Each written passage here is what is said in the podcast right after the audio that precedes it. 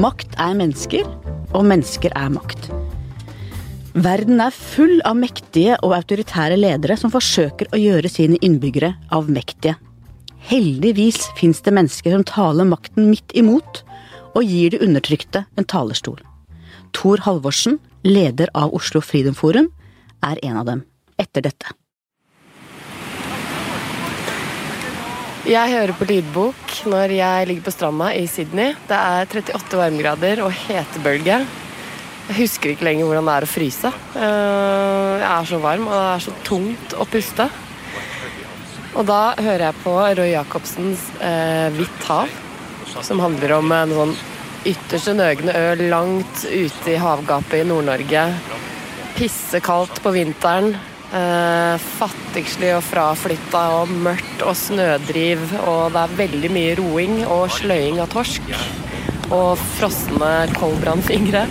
Hun hadde glemt votter og kunne ikke bevege fingrene. Og et par sekunder da så klarer jeg nesten å se for meg hvordan det er å være skikkelig kald. Som om hun lette etter lus. Skrubbet seg til huden Med Storytel får du ubegrenset tilgang til tusenvis av lydbøker direkte fra mobilen din. Prøv Storytel gratis i 30 dager på storytel.no skartveit. Poteter og fisk. Kokte det for lenge. By the far left in Norway, you have been described as something of a dark prince. We will return to that. But first, Oslo Freedom Forum gather human rights activists from all over the world. You founded it years ago. 2009 was the first year it was here. And every year since, you and your organization has returned to Oslo, presenting people that put their lives on the line in the struggle for freedom. This May, the Oslo Freedom Forum is back in town. How did it all start? Well, the the event itself started as a result of a conversation uh, with um, a philanthropist that uh, has uh, has died since then, and who who was asking, "What do you think are some of the biggest problems in, in the world that we could potentially solve? What what is a what is a challenge that is out there?" And specifically, I said to him that I thought that we were lacking heroes, that um, we we didn't have a um, the, the the people who had stood using nonviolence and with the power of words, with their dignity, with their noble purpose, people who stood against tyranny. Alexander Solzhenitsyn, who wrote the Gulag Archipelago, that was probably the wound in the heart of Soviet tyranny.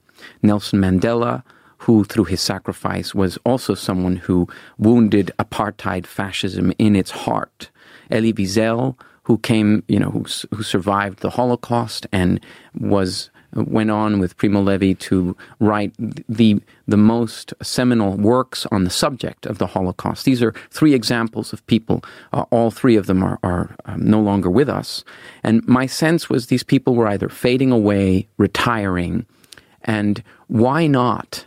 Um, bring them together one last time, you know, and, and, and offer them an opportunity to say something to the world. Some of them hadn't spoken for many years, some of them hadn't written for many years. Why not do that? And at the same time as we do that, also offer a new generation of people to be under the same umbrella as them. Um, so, so the new Mandelas, the, the new, the new Solzhenitsyns, and unfortunately, Solzhenitsyn died before we had the Freedom Forum. He had just had a stroke and he passed away, and so we never had a chance to have him there. But we did, for instance, have Elie Wiesel, who has since died. We did have Václav Havel, who has since died, and the idea was to only do this once have the event once, give them an opportunity, and because of course we, we didn't have funding to do it a second time.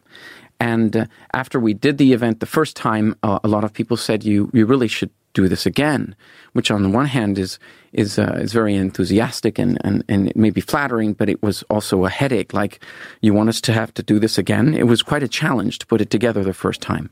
I remember VG's cartoonist Roar Hagen. He introduced me to you before the first Freedom Forum, and you told me about your plans and showed me the list of the names, and I didn't quite believe what I saw.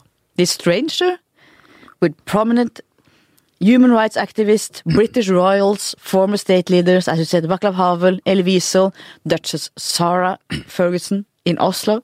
Really? You're you're surprised. You're you're not the only person. I know, I know. I, I remember um, taking one of my colleagues, uh, Alex Gladstein. We went to the office of a former prime minister who had just started a human rights organization. Kjell Magne Bondevik, I guess. And uh, you know, when he saw the list, he looked at me and said, "I, uh, you have these people confirmed?" And we were, yes, they're confirmed. And you could see the look on his face. It's something sounded too fishy. This wasn't possible. And we, we thought it was just exciting. And unfortunately, having these names and having this ambition, if you will, to really make an impact on human rights rubbed a lot of people the wrong way. Why do you think that happened? Janteloven. Tell me about Janteloven. What is your uh, view on the Janteloven and your experience with it? My experience is that it is a um, a toxic, uh, ideological um, remnant from Norway's past that seeks to encourage people to believe that the individual cannot make a difference. That in fact, it is only when we work together as a group that we can make a difference. And that is historically so inaccurate. Just because you think you can make a difference doesn't mean that you're better than anyone else or that you think you're better than anyone else. It just means that you are willing to stand up. We don't all have to stand up. The standing man in Turkey was alone when he was the first one. Then others started copying him. Solzhenitsyn didn't do something wrong because he ended up uh, being uh, the individual that wrote the most powerful work uh, of, of um, literature on the subject of the Stalin's Gulag. So, so it was, it was uh, for me very, very uh, upsetting to come across this this thing that shouldn't have that should have ceased existing many, many years ago. But then you met uh, the leader of Civita, Kristin Clemet, less than a month, I think, before the first conference. Tell me what happened. Well, we had been traveling from organization to organization, wanting to find partners for the Oslo Freedom Forum. And all the organizations said, not this year. To which we said, well, there's not going to be another year. So what are you waiting for? Why all, why so skeptical? Well, I mean, you can you can ask us questions, you can look into this, but it was just uh, you know Norwegian skepticism. I, I don't trust you until I know you several years, which is really rather inverse to the way um, economies work in other places, where the supposition is I will trust you until I have reason not to, not the other way around. And so, um, Kristin Clemet, she, she Civita was also a young organization, and their way of thinking was, well, if it works, great why not? And what, what, do we have to lose? And I'm, I'm pleased to say that I, I think that their um, their investment paid off. They were able to successfully open a, a, a new arena for discussion, and a very important one, which is the concept that human rights doesn't belong to people either on the left of the spectrum or in the center, on the right. It belongs to everybody. And a contribution and a discussion about human rights is something that everyone should feel comfortable with. And this is why, I mean, in, in many ways, the Oslo Freedom Forum uh, was um, seen as something that threatened some people politically here because uh, we challenged dictatorships, whether they were on the right or on the left. And, and this made a lot of people very, very uncomfortable because they're not used to that. Then we're back to the the Dark Prince because you were um, framed for many as the the Dark Prince from the especially the left, the left in in Norway. Um, what happened? Well, um, I, I, ended up uh, reading uh, in uh, that I was a uh, former CIA agent. In fact, the editor of Klassekampen, I think it was his third tweet ever that he ever tweeted, was that I was a CIA cowboy. And I, I was just scratching my head, wondering what could possibly lead these people to, to do this. So they just, uh, whatever um, fear they had, they projected it onto the Oslo Freedom Forum that we were some kind of racist, sexist, homophobic, right wing, oligarchic organization. And um, it, it, uh, it, it, part of it, they, they, they didn't understand what it was, and they didn't give us the benefit of the doubt. So they, they sought, they, they, they tried very quickly to um, label us and make us radioactive. But do you think this had something to do that in Norway, human rights issues has been mostly on the left? Had the left been a kind of monopolistic uh, force in these issues, and the right has they been ignorant when it comes to human rights? I think that a, lot of it, again, we, we go back to politics. Um, governments that have achieved power by force, for instance, um, uh, M- Mao in China or um, Fidel Castro in Cuba, because they expressed a desire to help the poor or to improve the conditions of the working man. And at the end of the day, it was all fraud. And Fidel Castro was a fraud. He never improved the conditions of the working man. Um, all of the numbers in healthcare and education were all self-reported, so there's no one who can actually verify if that is accurate.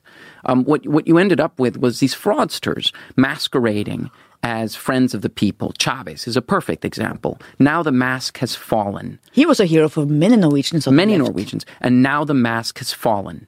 And people have seen that over the last 17 years in Venezuela, what has happened has been the theft of more money than is in the Norwegian pension fund. More than a trillion dollars has been stolen from Venezuela by these people pretending to be in support of the working man. And, and so, because we were consistent in our criticism of these of, of these sorts of people at the same time as we criticized fascists like Putin or uh, like Pinochet, who you know is, no, is not in power, but still we've had speakers who, ad- who address that, or the the desaparecidos in Argentina, or uh, dictatorships all over Africa. Um, be- because we were consistent, uh, a lot of people felt very threatened, and uh, particularly, I mean, luckily these were the fringe elements uh, Arbeiderpartiet, for instance, Høyre, Venstre, these, these are all places where, where they, they all were supportive of our efforts. It was really just the fringes and, and a couple of people who wanted to uh, gain more attention. Venezuela, the romanticism among Norwegian left for Venezuela. You know quite a lot about Venezuela. Your name is Thor Halvorssen,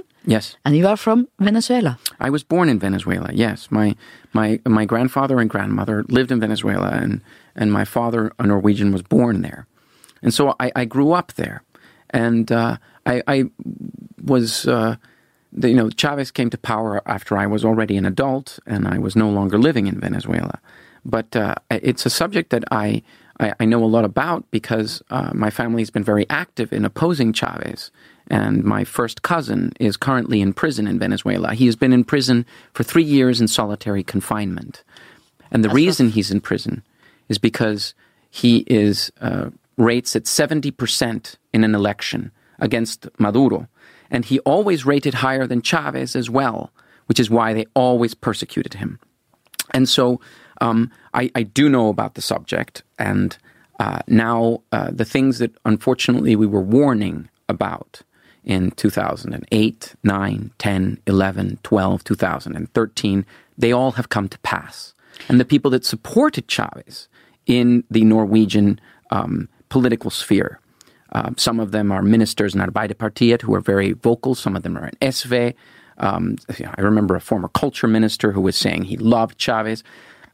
They all are hiding right now. They're not really talking about how much they supported Chavez. They don't have much to be proud about, I would say. They should hang their heads in shame for the rest of their lives because it was precisely this sort of foreign support and this sort of vocal enthusiasm and endorsement that allowed the government to continue eliminating freedoms and keep more and more control. There was time in the first five or six years of Chavismo to stop the march to authoritarianism that now has gripped the country. There was time to stop it. And because of these endorsements internationally, it became impossible.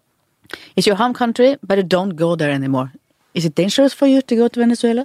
Well, um, the the vice president has made it clear on television that I'm a traitor. They've put photographs of me on the state television saying that uh, I am a, a terrible human being, and I, um, I, I, I suspect that if if I showed up in Venezuela, I probably would never be allowed to leave again.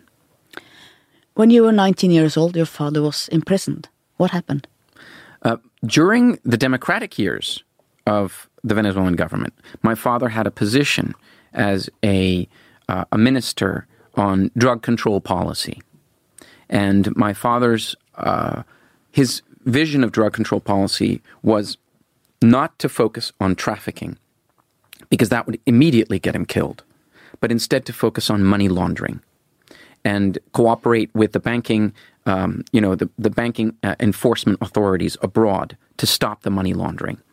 And so Pablo Escobar was at the time the head of the Medellin cartel.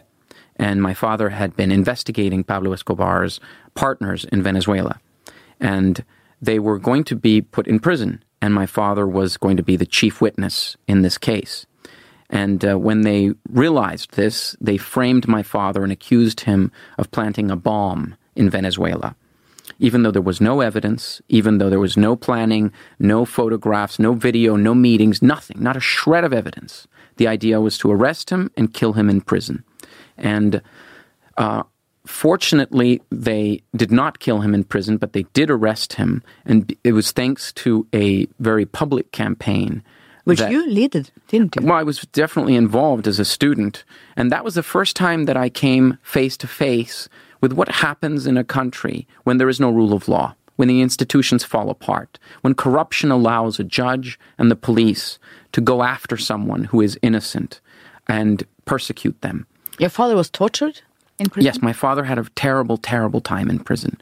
Um, at the same time as my father was in prison, the very bankers who he was investigating bought all of the debt of my father's companies and immediately caused a bankruptcy. So they didn't just put my father in prison, they also bankrupted us completely. Because you see, if we had money, we could fight the case. So they, they, were, they were very eager to destroy him. And the idea was that he was going to be committing suicide in prison.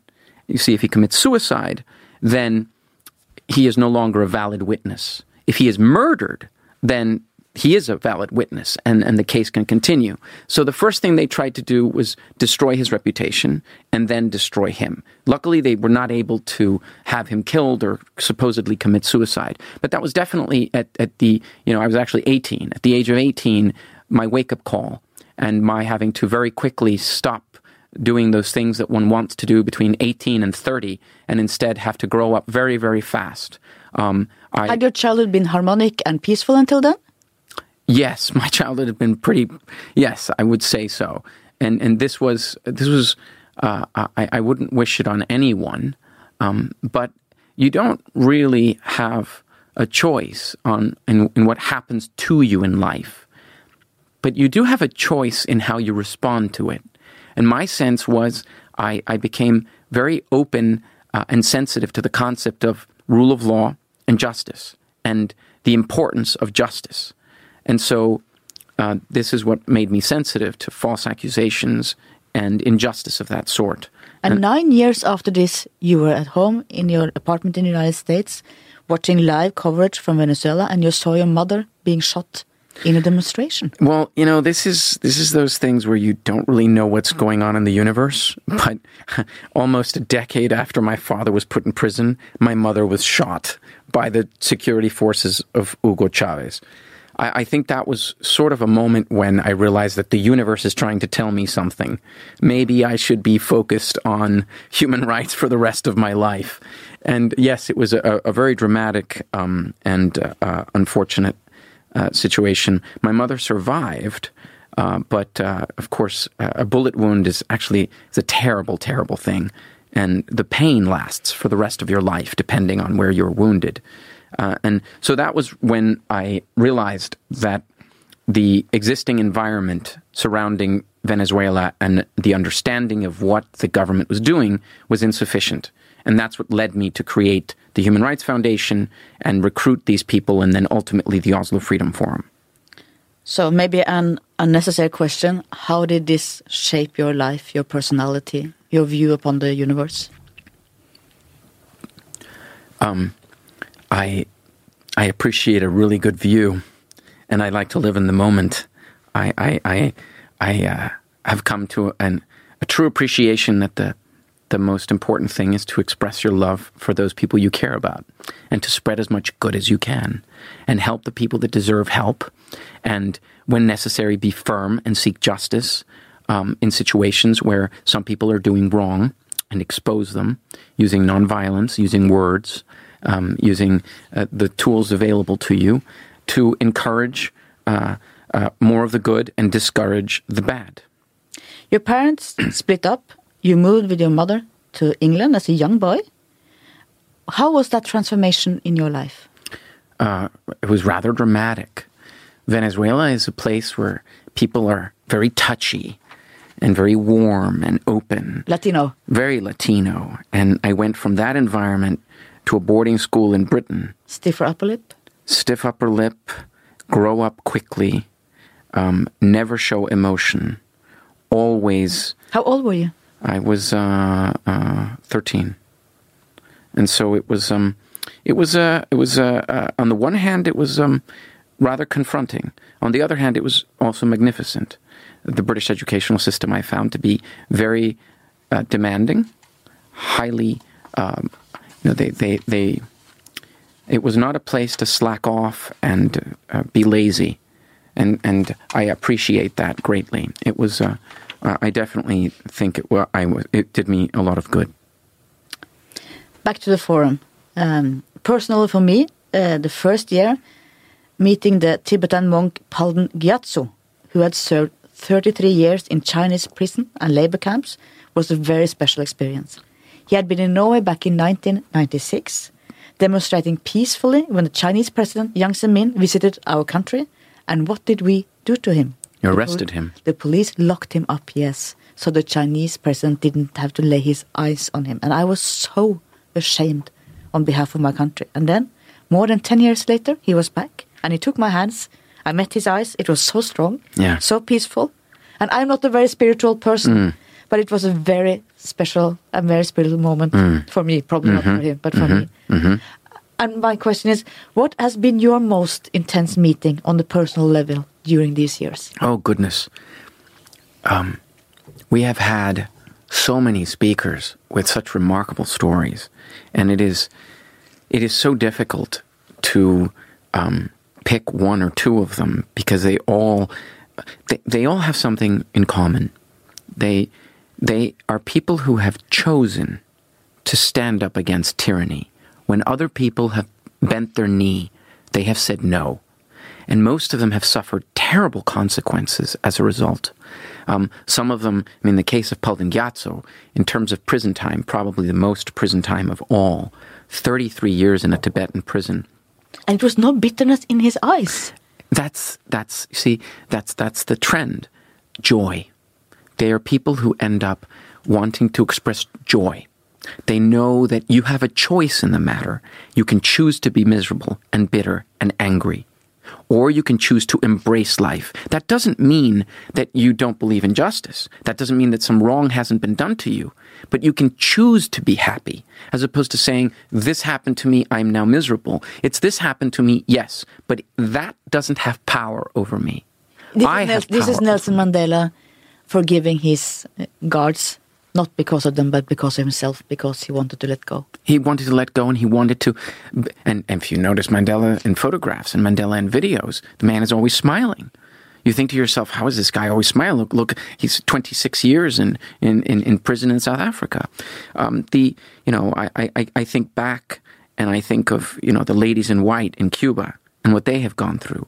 One of them who couldn't come to the Oslo Freedom Forum, we instead sent a camera there she since since since uh, she spoke at the Oslo Freedom Forum via video, she died in mysterious circumstances. Tell what the, those ladies did. What was their purpose? The ladies in in white, um, their purpose was they are the wives, sisters, daughters of the political prisoners of the Castro brothers.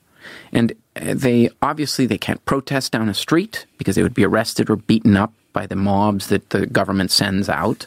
They're called um, they're they're special mobs the government has to beat people up when they are protesting. So instead, what they do is they do a silent protest. They dress in white and they march with flowers from one end of Havana to the other. That symbolic protest has, has driven the government to the point of doing all sorts of things against them. And in the case of Laura Pollán, to uh, she died in very mysterious circumstances, but we captured her video. Uh, another um, example of someone who we, we were able to get on video is a monk in Vietnam who had who Thich Quang Do. He actually won the Rafto Prize years ago, and he has been under house arrest uh, in, um, in in in Saigon in his pagoda for more than two decades. It's it's really appalling. That was also a very touching meeting. The there there there are just so many of them Um, they they're uh, and they range from people who have survived uh, torture and their families being persecuted, whether it's in Angola, Equatorial Guinea, Egypt, Syria. Um, we had recently the people from the collective Raqqa is being slaughtered silently. Um, Abdulaziz Al Hamza, that was extraordinary. We heard from Leymah Gbowee. Um, we've heard from North Korean defectors, some of them who have, and in the case of one young lady, she was probably raped hundreds of times uh, while she was sold into sex slavery. Marina Nemat spent several years in Evin prison in Iran, where she was raped every night. Um, we, and you meet these people, and you cannot. You, you realize that once you see um, the world through their eyes, and you experience what they went through, and you hear their stories, you can either choose to look away and pretend that you didn't hear that, or you realize that if you do nothing, that says a lot about you. Which is why a lot of people find this confronting. Once you realize whether it's child marriage or slavery or tyranny of other forms, once you realize what is going on in the world, and that more than half of the population in the world today lives in countries that do not have governments that allow freedom. Once you realize that, you have to do something about it. Whatever it is you do, whether it's having a coffee break or encouraging or writing a newspaper editor or talking to the prime minister or passing a law like one of our speakers, the Magnitsky law against the people who murdered uh, Sergei Magnitsky in Russia, um, you, you do something. But it's not going to be governments that solve the problem of tyranny in the world. It's going to be regular people who stand up for it. Eventually, governments will come around. You want to create the Davos, Davos of human rights? That's very ambitious. How do you define human rights? Well, the um, the debate and discussion about human rights is one that um, uh, across the spectrum people define it slightly differently. Uh, some people talk about social rights, economic rights, cultural rights, civil rights, political rights. These are all different areas. And unfortunately, not everyone is going to agree. People may disagree about what rights are and are not fundamental. So, what we have done is we have established a basis to allow for something that overlaps people across the spectrum. And those are civil and political rights. And what do I mean by civil and political rights? I mean those things that the government is forbidden to stop you from doing. So, for instance, your freedom of expression, your right to a fair trial, your freedom from being arrested arbitrarily, freedom from torture, your freedom from being exiled or stopped from entering your own country, your freedom to participate in elections, your freedom to own what's yours so that I can't take your stuff just because I choose to. Um, these are uh, examples of civil and political rights, the things that cannot be decided at the ballot box the things that we cannot just suddenly decide just because this person was elected that suddenly people on the basis of race or religion or sexuality don't have certain rights. No. The things that are not open to negotiation, that those fundamental rights is what we focus on. And then you see if we have those fundamental rights, then we can have a vigorous debate in that country about, say, education or health care or pensions or how many operations should the government uh, you know finance or not finance? What should the taxation rate be? These are things that should be decided um, from government to government and the ballot box matters. But ballot box is not elections is not what should determine freedom of expression. Freedom of speech and freedom of religion. Do you see a conflict between the two? Absolutely not. No i don't uh, I think that in uh, a society, freedom of expression should only be limited on the basis of time, place, and manner. And, and what do I mean by that? If it's uh, um, four in the morning on a Sunday, I should not be allowed to walk around with a horn giving everyone my political views in, you know, Grünerløkka uh, because that's bothering people who are sleeping. It doesn't matter what my views are or what I'm trying to, maybe whether I'm selling them ice cream or telling them to vote a certain way. At four in the morning, that's not acceptable. But maybe at two in the afternoon, if I walk go through there, maybe that is acceptable. So restrictions should be based on time, place, and manner, not on content. Um, but disagreeing and, and criticizing each other is perfectly acceptable. And I, I, I think that um, you should be allowed to criticize religion in the same way that people who, who have religion should be allowed to have views um, that, you know, if, if, if, for instance, I believe that people who have brown hair are going to go to hell, I should be allowed to have that view. That doesn't mean that I can do something to someone with brown hair. But if I if I believe that, that sh- that should be that should I should be allowed to believe that. When I ask you, it's also because you have the Human Nations Human uh, United Nations Human Rights Council, where some of the most authoritarian countries are in charge of monitoring the human rights around the world, and Islamic countries who try to to bend the right of speech in order to protect their religion. Well, it's not a question of protecting their religion. It's a question of trying to restrict freedom. Absolutely. To it, and the But from their is, view, well, and- well, these are countries where you're not even allowed to celebrate Christmas. This, these, these, many of these countries are places where where people ha- lack all kinds of fundamental rights, especially women. And in the case of people who are interested in same-sex relationships, they get executed in so many of these places. So the irony that they want to protect religion, quote unquote, um, is is absurd. And then the question is how how to tolerate intolerance. Intolerance it dep depends how you define intolerance. I can um, wish ill on other people rhetorically. Uh, i can um, think that certain people are awful. I can even say something like you know um, the only good italian is a dead italian. That is rhetorical speech. That is that is acceptable. You may not like it but then you can say look uh, Thor Halvorssen hates Italians. That's awful. He's a terrible person. Italians are wonderful. The, the, you cross the line into incitement if I say, um, I hate Hannah Skartveit and she lives at this address and she's always home at 4 p.m.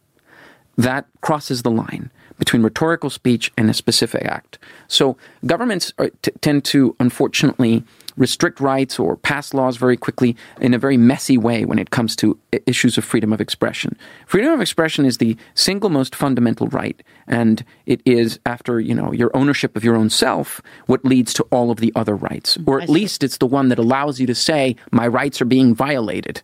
So, so it, it, it's it's why it's so central. And unfortunately, people are using you know this political correctness and and oh you can't criticize religion. The irony is the people who say these things are people who are violating rights up and down all the time. I agree. I totally agree. You talked about same-sex relationship, gays, lesbians, and trans person, persons. These are the groups that, in a way, test the tolerance in a society. In a way, they are the canary birds in the mines. Do we see progress, or are we going backwards on a global scale when it comes to these groups? Well, on a on a global scale, we are seeing um, two parallel situations where in liberal democracies, the rights for uh, these specific groups are deepening. They are increasing visibility. I mean, 10 years ago, nobody talked about trans rights other than in very small communities. And now it is something that is completely open for discussion. So much so that um, companies, uh, media companies, publishing companies, social media, I mean, this is, this is an open subject. But unfortunately, the other side of, of the, the other parallel, the half of the world that is not free, um, things are unfortunately getting worse and there's more intolerance of that sort. The world is regressing.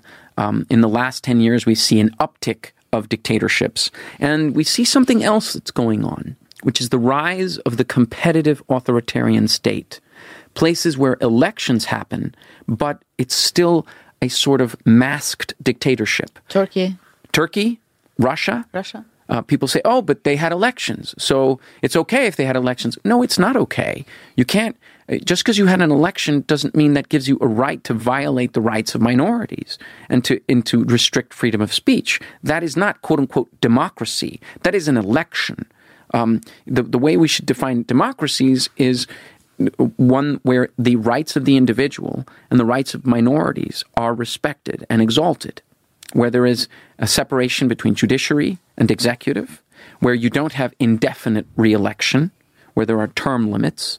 I mean, every country has a slightly different formula in, in liberal democracies, but in, in some of these other places, they, they are using elections as a mask to continue um, to deepen their control of the state. Oslo Freedom Forum, the magic, I think, is that people who are used to be on their own, working on the ground, they meet like minded people who are struggling with the same issues, finding support, inspiration, and comfort in one another.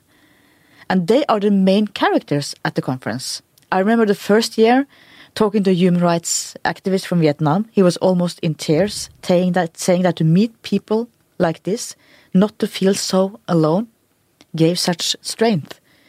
And the networking between the activists is central to the formal. What, what are the results so far? That's a that's an excellent observation. The um, the Freedom Forum isn't just these presentations that happen in the theater that then uh, end up being on videos and then and then spread that way. That's part of the forum, but so much of the forum is the creation of this community, and it is a support group in in the in truly in the in the sense of the term support group people realize that if you are from, it doesn't matter if you're from China or Vietnam or Tibet, Angola or Tunisia, um, Belarus, Russia, Venezuela, Bolivia, Nicaragua, it doesn't matter where you're from, you stop seeing the struggle as your struggle. And you realize that all of these other people from all of these other places where they have a different language, maybe a different culture, probably a different religion, are suffering the same way you are. And the governments are using the same tactics to divide and conquer, the same tactics to persecute you, the same excuses to shut down newspapers, the same excuses to use the laws to pursue uh, specific activists on fake charges. And so you stop seeing yourself as a lonely actor and you start seeing yourself as part of a wider community. And this is something that on the other side, dictatorships have been doing for decades. They get together at the United Nations.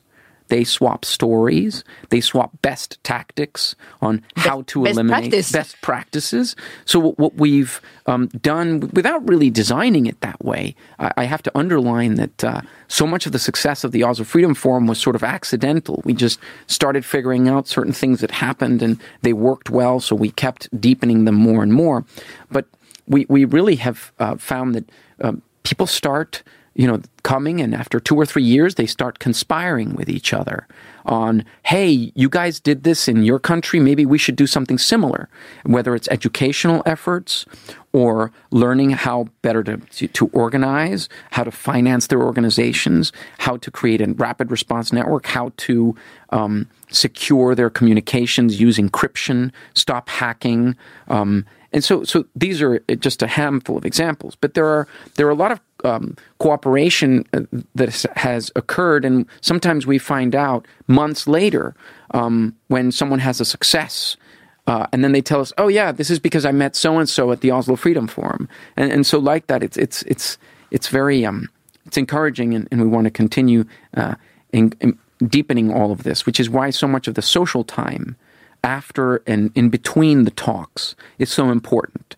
But it's a very un-Norwegian way of having a forum. It's lavish dinners, you accommodate guests in one of the most luxurious hotels in Oslo. What does this have to do with human rights? Okay, well, this is a, an excellent question, and I'm glad you asked it. I know. so, most of the time, the, the way it is for activists is they're out in the cold um, without heating holding a sign at someone who is in a fancy hotel and facing them down, whether it's in at the outside of the United Nations or when they're making a visit, or some tyrant is visiting Paris because the government of France has just created an oil deal with someone in Libya, for instance. And so, um, typically, the life of the activist is um, one where there's there's very little luxury, almost uh, uh, no sense of celebration as far as people celebrating them. And uh, we like to think that it's about time that we treated them as the statesmen. When you have the Nobel Peace Prize here in Norway, you don't take them, you know, down to a supermarket and buy them a salad. You celebrate the Nobel laureate. You have a, uh, a an enormous ball at the Grand, and people dress up and they serve food and they and they celebrate, and that's exactly what we are trying to do. We are trying to celebrate so many of these activists and have, and some of them will win, will be awarded the Nobel Peace Prize one day. In fact, one of our speakers was awarded the Nobel Peace Prize after she gave a speech at the Oslo Freedom Forum. So it's instead of having one Nobel Peace Prize celebration for one person, for a fraction of the price, we're celebrating between 100 and 200 of these people. And I have to point out the choice of menu uh, and hotel is a fa- is a combination of two factors. One is the owner of the hotel, Mr. Ringnes, has very generously donated year after year, made donations to the Oslo Freedom Forum. This is Grand Hotel so that also, right? it's, it's, sometimes we've done it at the Grand. We've also done it at the Bristol. We may do it at the Continental next year. Um, however, uh, Mr. Ringnes has always been very generous and very welcoming. He has given us some very, very good, good prices. So that's part of it. And the other part of it is um, we have private donors who who think this is very important, and we want to um, encourage that the event have that level. We also uh, it allows us to bring in people who otherwise wouldn't want to go to a brown bag lunch. Um, instead, people who can be philanthropists who they want to see something fancy. So that that's fine by us. It's a cheaper conference if you think about it than any of the other world conferences because we're we're very careful with how we uh, how we s- spend the the funds that we were able to raise. I love this concept. Thank you. Sarah Ferguson, the Duchess, uh, I remember her speech at the opening dinner, the first Freedom Forum. She impressed me with her passionate compassion. How did you get to know her? Oh, well, I was um, at an airport and I was going to be flying to Oslo. And there she was sitting in a lounge, and we were in the same airport lounge. And so I figured maybe she'd be interested. And so I walked up to her and and um, I Of course you did. I mean, she's human. Every day, she you know she puts on socks the way the rest of us put on socks. So so I thought, I, why not give her an opportunity to participate in something that she may derive uh, a lot of benefit from in terms of uh, wanting to do good in the world. And so she very very um, quickly uh, accepted, and she wanted to to do it, and then she wanted to do it for for for a very long time. She she she she was very eager to learn more.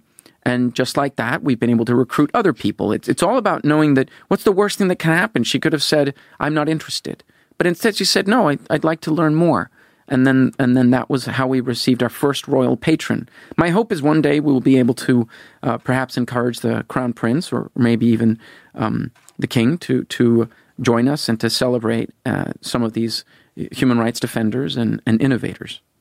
There is quite a span from Sarah Ferguson to Mukhtar Mai, the Pakistani woman who was gang raped in her village, told by the men to commit suicide to restore her family's honor, which she refused before going to the police, and she struggled so hard to get justice and never really succeeded.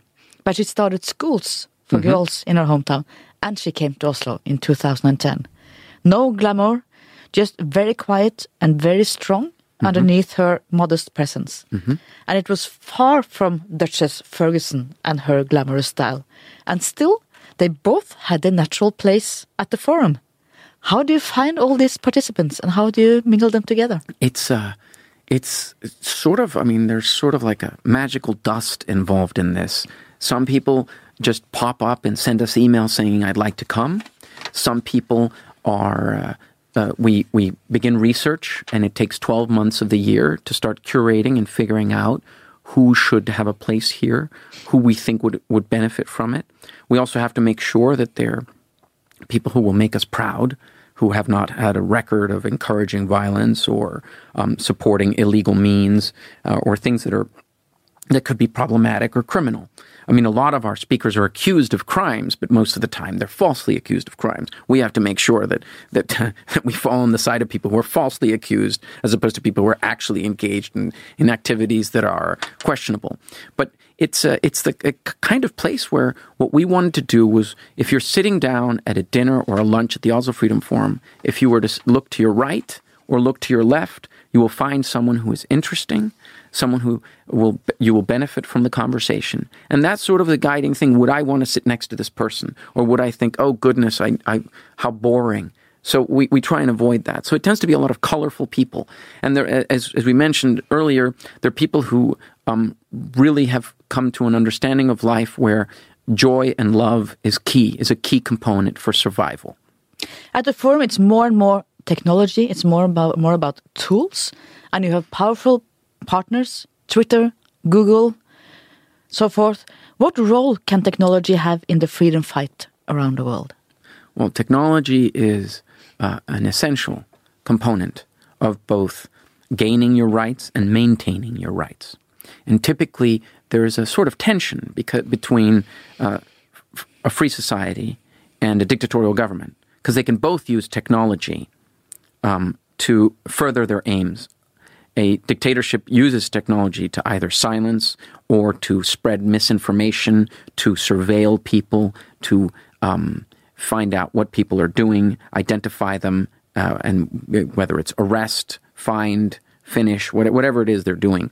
Uh, it's it's in, in that scenario, it's important that free societies be one step ahead in terms of technology than the dictatorships. The moment that the dictatorship is one step ahead of the free society, then that's when we have a major problem. And which is why it's it's a lucky and a good thing that it's private corporations that are doing this technology as opposed to governments doing the technology. Because at least if it's private corporations, there can be multiple and they can compete with each other. And if some of them go dark, some of them will remain light. Social media is a perfect example of a tool that was aimed to, you know, share photo albums or share opinions and has essentially become engines for freedom of expression to protect rights, to safeguard rights. So you can instantly and quickly share something with people around the world who can see it and can act upon it, can call their governments, can, can do pressure, can file lawsuits, and so on. So technology is a key component. And unfortunately, a lot of people who are um, in the struggle for human rights aren't technologically that savvy. So we try and uh, create a bridge. Uh, and you know we've started tech labs, and we're now trying to establish a partnership with a major trade association in Norway that is interested in issues of technology, and seeing if they, they are interested from a corporate social responsibility standpoint to becoming our partners on this. You work very hard, traveling almost all the time. Is there any room for a life beside the activist life? It's uh, it's it, I guess it's it's all about what what um, what you derive personal satisfaction from. It's Hannah, you you love what you do. Yes. And if you if you love what you do and you, you're doing it effectively, it doesn't feel like work. It feels like play. So I I, I am I'm blessed in the sense that I am. I don't get up in the mornings and think, oh, no, I have to work today. Uh, I, I, think people who um, have that circumstance uh, should f- try and find something different because life is too short to spend it, to spend most of your life doing something that you don't enjoy. Some people work for money and, and I, I can appreciate that because they want to give maybe the choice to their children or something like that. I'm blessed in that I, I, I, work in a field and an area where I derive a lot of personal satisfaction. That's what motivates so many of my colleagues. I have these extraordinary colleagues, 20 of them, and they're in, you know, here in Norway and in San Francisco, Los Angeles, New York, and they really love their job, and you can tell because they're clearly not doing it for the salaries, which are very, very low. And so it, it's, uh, it's, uh, I, I think it's, it's always trying to find a balance. I sometimes have trouble finding that balance. I'd like to do I more can imagine yoga. that. Yeah, I'd like to do more yoga. I'd like to be hiking more. I'd like to be skiing more. I'd love to be able to read. Unfortunately, I spend most of my time reading text messages, reading emails, um, and, and, and reading, you know, internal documents as opposed to reading books. But I keep I keep accumulating books, and my hope is that one day I'll spend ten years reading reading all the books that I've accumulated. Are you a religious person? Do you believe in God? I, I would. It's it's interesting. I was reared a, a Roman Catholic. I was, um, and then I was baptized in the Roman Catholic Church. And then um, when I was around 23, 24, I I became a, a, an atheist for like a year and a half. And it was a lot of hard work to be a militant atheist and to constantly be thinking that no, there's no way, there's it can't be, it's all reason, it's all rational. Um, I I'm uh, uh, in my view, uh, it, it's I'm not going to go into the religious discussion, but I most certainly believe that there is a um, a connection between all of us and the divine in all of us. We are, as humans, both the source of all evil and the source of all good. And as such, you can choose will I be one or will I be the other? Fidel Castro chose evil. Anders Breivik chose evil. Other people choose good. You sometimes choose evil a little bit, and sometimes you choose good a lot. It's all a choice. And I do believe we all have the divine in us. And what lies beyond after we die, I, I'm, um, I'm, I'm definitely a believer in that there is something more. I'm not going to say an afterlife or a heaven or a hell. I think we all go back to being part of this grand universe that has so many mysteries that I, I keep wanting to study more and more uh, about them, whether it's uh, a discussion about computers and and um, artificial intelligence and what it means to be able to download our consciousness. What is consciousness? How does it begin? Um, these these are the subjects that I'm I'm really fascinated by, uh, and I think we would have. Uh, so much more research into them if we could just get past this concept that half the world should not live in freedom. If we lived in freedom, uh, we, we would be able to address all of the issues in the world today, given that people forget all war is a result of dictatorship. All war. Because it's always a dictatorship against a democracy, or a dictatorship against another dictatorship, or a dictatorship against its own people. There is no war between two real democracies. That has never happened in the history of mankind. It, whether it's um, famine, refugee crisis, there would be no refugee crisis without if, if there were no dictatorships. People don't suddenly flee um, Norway for Denmark um, you know, that doesn't happen. Uh, so it, most of the issues in the world today that are a, a, huge, major problem result from dictatorship. Yet we don't have uh, adequate responses to it. There's a whole industry that has been set up to deal with poverty. There's a whole industry that has been set up to deal with lack of clean water. There's a whole industry that has been set up to deal with, with all of these various quote unquote problems when the underlying cause of all of them is dictatorship. Lack of clean water? What countries? Dictatorships. Those are the countries that have water problems. Um, uh, you know, extreme poverty. What countries? Dictatorships or competitive authoritarian countries. So if we if we start looking at the fact that dictatorships are at the root of all of these problems, and eventually we start gaining more and more of this, we will be able to focus the attention of the world on solving the, the next problems, whether it's space exploration, or life extension, the elimination of disease, the the you know the, being able to uh, re-engineer our bodies so that we can we don't age as quickly. Science is where it's going to be. Science does not advance in dictatorships. Dictatorships are only able to steal scientific um, research from other countries. They don't really create new ones. The only area where dictatorships have sometimes had some advances is in military technology and in killing people. So, uh, my vote for freedom is a vote for the future. It's a vote for an improvement uh, of, of the lives of everyone at every level of society. And once you start looking at it from that perspective, then I, you know, I'd love to be focused much more on the futurism um, and, and, the concept of what lies beyond, you know, in space and in consciousness uh, on the macro level and on the on the uh, on the micro level. So this brings me to my final question, which I have for all my guests. Mm -hmm. What will be the story of your life? Thor Halvorssen, that was the guy who who still hasn't answered all of his emails. Wonderful. Thank you so much for coming. I, I, really appreciate it. Thank you for coming every year to the Oslo Freedom Forum. It's if, if people who are listening want to join us, all they have to do is go to oslofreedomforum.com and they can uh, send in a, a, request to be invited. Um, it's open to the public in Norway. There's a small fee to be able to get in. We accommodate as many people as possible. We also will live stream the event. Um, we are we we uh, accept all comers as long as there's there's room, and we're very grateful because our event is made possible thanks to you know the Free Expression Foundation, Fritt Ord, and the Foreign Ministry, the City of Oslo, which has been simply fantastic and welcoming, um, and Norwegian civil society, which has really um, opened its arms to the activists and has has gone from skepticism to fully embracing it, which is why the Prime Minister will be our first speaker in May.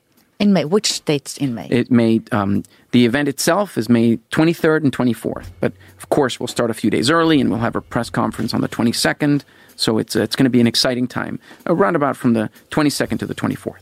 Wonderful. Thank you for everyone listening, and thank you to our producer Magne Antonsen. We are back next week.